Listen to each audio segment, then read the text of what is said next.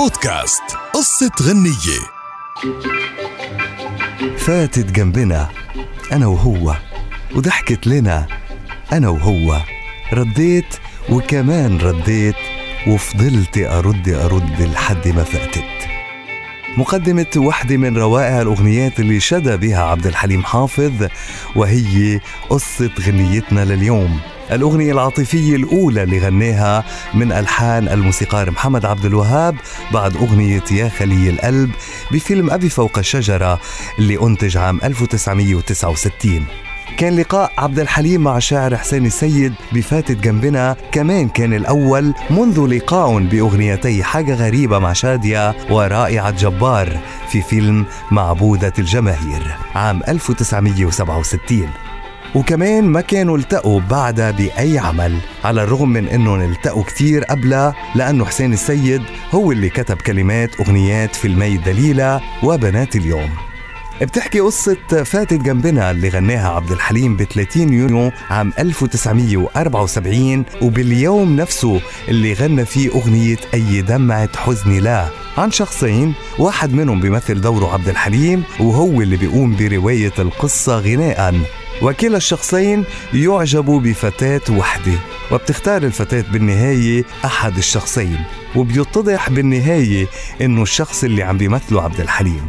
كان الموسيقار محمد عبد الوهاب حكي عن هالأغنية بلقاء تلفزيوني مطول وقال عبد الحليم كان رجل مغامر حتى بصحته. وقال بذكر إنه بفاتت جنبنا وكانت من القطع الروائية ذات السيناريو اللي استغرق مني تفكيرا كثيرا. وبتذكر إنه أثناء عمل البروفات أصيب عبد الحليم بجلطة بسمانة القدم. ومع ذلك أصر على شغل وأن نحضر له كرسيا ليفرد قدمه تحت منها. وأجرينا البروفات بمنزله ليخرج من حالة المرض. لأنه كان يحب فنه ويقدره تقدير كتير كبير حتى على حساب صحته. أما الدكتورة حامدة حسين السيد بنت الشاعر فقالت بأحد اللقاءات التلفزيونية إنه قصة الأغنية بالأصل كانت بتنتهي بإعجاب الفتاة بالشخصية الأخرى يعني مش بعبد الحليم اللي روى القصة. ولكن عبد الوهاب أقنع حسين السيد بتغيير النهاية وجعل شخصية حليم هي الفائزة بالنهاية. والأغنية عبارة عن قصة قصيرة جميلة جدا تبدأ بمرور فتاة على عبد الحليم وصديقه الحميم. فانشغل فيها عبد الحليم وآنسته نفسه إلى أن استفاق وسأل نفسه أنا بفكر ليه؟ وبشغل روحي ليه؟ وتفطن بعد منها إنه ربما تبسمت لصديقه مش لإله. وكترت وساوسه وقال كيف ممكن أعرف إن عم تقصدني أنا؟ وليه أنا مش هو؟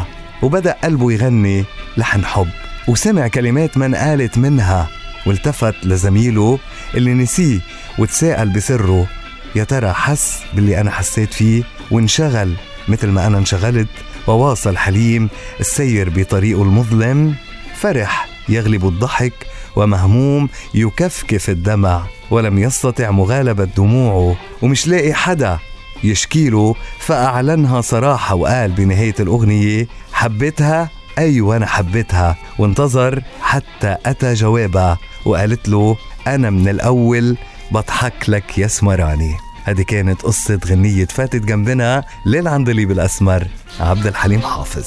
فاتت جنبنا فاتت جنبنا.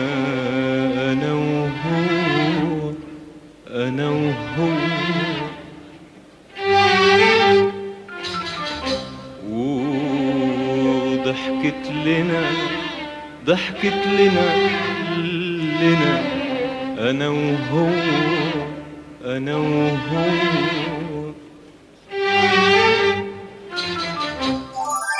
بودكاست قصة غنية.